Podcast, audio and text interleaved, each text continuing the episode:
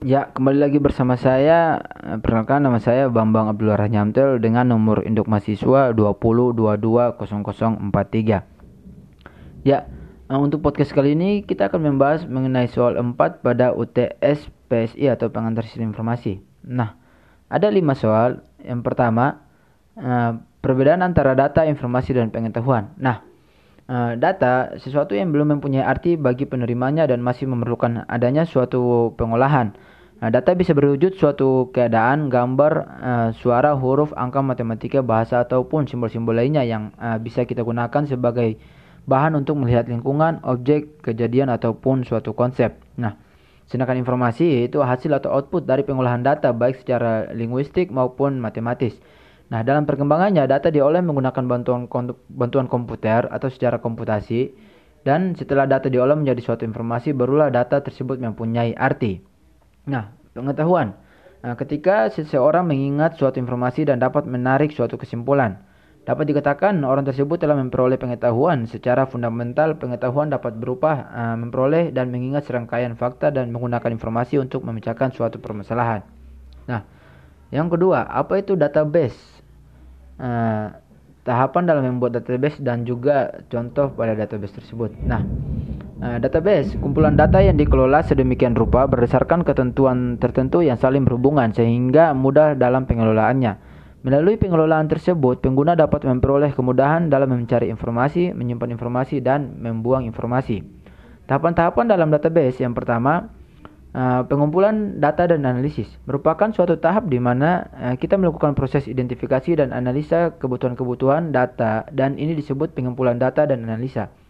Nah, Uh, untuk menentukan kebutuhan-kebutuhan suatu sistem database, itu kita harus mengenal terlebih dahulu bagian-bagian lain dari sistem informasi yang akan berinteraksi dengan sistem database, termasuk para user yang ada dan para user yang baru serta aplikasi-aplikasinya. Kebutuhan-kebutuhan dari para user dan aplikasi-aplikasi inilah yang kemudian dikumpulkan dan dianalisa. Nah, yang kedua, tahapan kedua itu ada perencanaan database secara konseptual. Pada tahap ini akan dihasilkan konseptual skema untuk database yang tergantung pada sebuah DBMS yang spesifik. Nah, sering menggunakan sebuah high level data model seperti ER itu model ER model selama tahap ini. Dalam konseptual skema, kita harus merinci aplikasi-aplikasi database yang diketahui dan uh, transaksi-transaksi yang mungkin yang mungkin ada pada tahap ini. Nah, yang ketiga, pemilihan DBMS. Pemilihan uh, database ditentukan oleh beberapa faktor, di antaranya itu faktor teknik, ekonomi, dan politik, serta organisasi. Nah, contoh faktor teknik itu keberadaan DBMS dalam menjalankan tugasnya seperti jenis-jenis DBMS yaitu uh, relational, network, hierarchical, dan lain-lain. Struktur penyimpanan dan jalur akses yang mendukung DBMS uh, serta pemakai dan juga lain-lain. Nah, faktor ekonomi. Uh, pada faktor ekonomi itu ada uh, adanya uh, biaya penyediaan hardware dan software, biaya konversi pembuatan database, biaya personalia, biaya pelatihan, uh, biaya pengop pengoperasian dan biaya pemeliharaan. Sedangkan pada faktor organisasi yaitu struktur data. Jika data yang disimpan dalam database mengikuti struktur hierarki, maka suatu jenis hierarki dari sistem manajemen database harus dipikirkan. Itu yang itu yang penting. Nah, kedua, personal yang terbiasa dengan sistem yang terdahulu. Nah, Uh, jika jika staf programmer dalam suatu organisasi sudah terbiasa dengan suatu sistem manajemen database, maka uh, hal ini dapat mengurangi biaya latihan dan waktu belajar. Nah, yang ketiga, faktor ketiga itu pada organisasi itu ketersediaan dari service vendor. Nah, keberadaan fasilitas uh, pelayanan penjual sangat dibutuhkan untuk membantu memecahkan masalah sistem. Nah, tahapan yang keempat, Eh, perencanaan database secara logika, membuat sebuah skema konseptual dan skema eksternal pada model data dari DBMS yang terpilih. Nah, tahap ini dilakukan oleh pemetaan skema konseptual dan skema eksternal yang dihasilkan pada tahap kedua. Nah, pada tahap ini, skema konseptual ditransformasikan dari model data tingkat tinggi yang digunakan pada tahap kedua dalam model data dari model data uh, dari model data DBMS yang dipilih pada tahap ketiga tadi. Nah, yang kelima, perencanaan database secara fisik. Uh, perencanaan database secara fisik merupakan proses pemilihan, proses pemilihan struktur-struktur penyimpanan dan jalur-jalur akses pada file-file database uh, untuk mencapai penampilan yang terbaik pada bermacam-macam aplikasi. Uh, selama fase ini, dirancang spesifikasi-spesifikasi untuk database yang disimpan yang berhubungan dengan struktur-struktur penyimpanan fisik, penempatan record, dan jalur akses. Nah, berhubungan dengan internal skema pada istilah uh, tingkat tiga pada tahapan tiga tadi level atau level arsitektur DBMS itu uh, beberapa petunjuk dalam pemilihan perencanaan database secara fisik itu uh, response time, space utility, transaction dan lain-lain. Nah, tahap terakhir yaitu implementasi sistem database. Setelah perencanaan secara logika dan secara fisik lengkap, kita dapat melaksanakan sistem database. Nah, perintah-perintah dalam DDL dan SDL atau Storage Definition Language dari DBMS yang dipilih itu dihimpun dan digunakan untuk membuat skema database dan file-file database yang kosong. Sekarang database tersebut dimuat atau disatukan dengan datanya. Nah, eh, jika data harus dirubah dari sistem komputer sebelumnya, perubahan-perubahan yang rutin mungkin diperlukan untuk uh, format ulang datanya uh, yang kemudian dimasukkan ke database yang baru. Nah, Transaksi-transaksi database sekarang harus dilaksanakan oleh para programmer aplikasi. Spesifikasi secara konseptual diuji dan dihubungkan dengan kode program dengan perintah-perintah dari MBDML yang telah ditulis dan diuji. Suatu saat transaksi-transaksi tersebut telah siap dan data telah dimasukkan ke dalam database, maka tahap perencanaan uh, dan implementasi telah selesai dan kemudian tahap operasional dari sistem database dimulai. Nah, Contoh database yaitu ada Oracle, ada MySQL, Microsoft SQL Server, Post, uh, Postgres, Postgres Postgres SQL, MongoDB, IBM, DB2, Elasticsearch, Redis, Microsoft Access, SQLite dan lain-lain. Uh, ketiga, uh, perbedaan spreadsheet dan database. Uh, kompleksitas data uh, ada dua itu spreadsheet dan database. Nah, uh, spreadsheet Uh, data spreadsheet sederhana. Ini dapat di, dengan mudah ditambahkan ke satu tabel atau bagan dan ditambahkan ke presentasi tanpa harus mengecualikan informasi. Nah, ini juga pu ini juga uh, mudah dipelihara karena hanya mengikuti beberapa nilai uh, numerik kunci.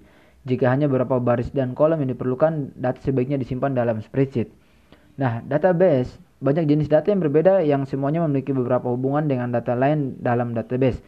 Misalnya perusahaan menyimpan sejumlah besar data pada klien mereka, mulai dari nama dan alamat hingga pesanan dan penjualan. Jika seorang pengguna mencoba uh, menjejalkan ribuan baris ke dalam spreadsheet, kemungkinannya bagus bahwa itu harus dipindahkan ke database. Nah, tujuan utama uh, pada spreadsheet itu uh, spreadsheet sangat bagus untuk uh, acara satu kali yang di mana tidak memerlukan pelacakan berbagai aspek.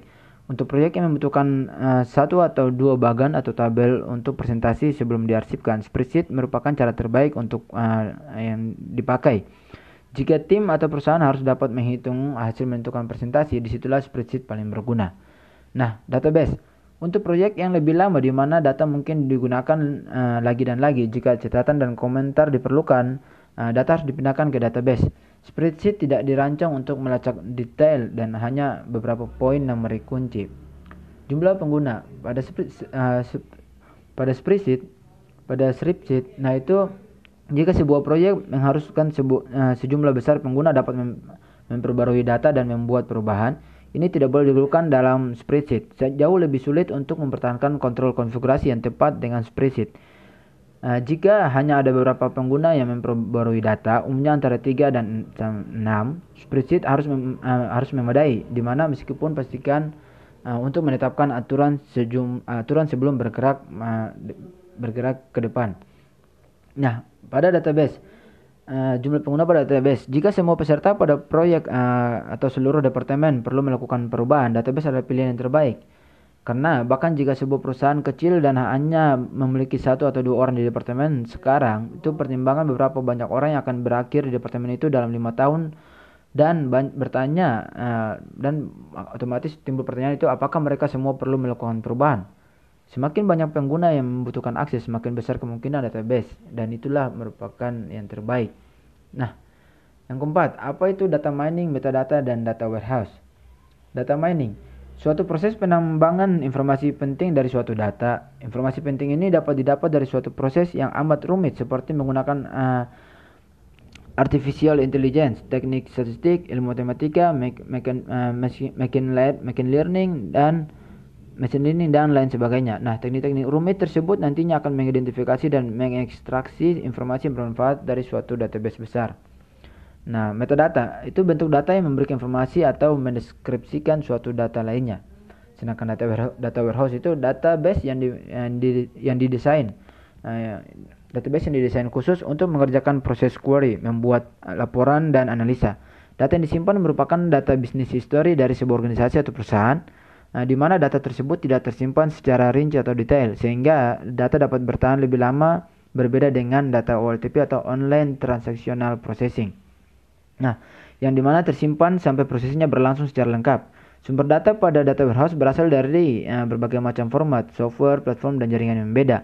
Data tersebut juga hasil dari proses transaksi perusahaan atau organisasi sehari-hari. Karena berasal dari sumber yang berbeda, yang berbeda tadi, maka uh, data pada data warehouse harus tersimpan dalam sebuah format yang baku. Nah, yang kelima, big data.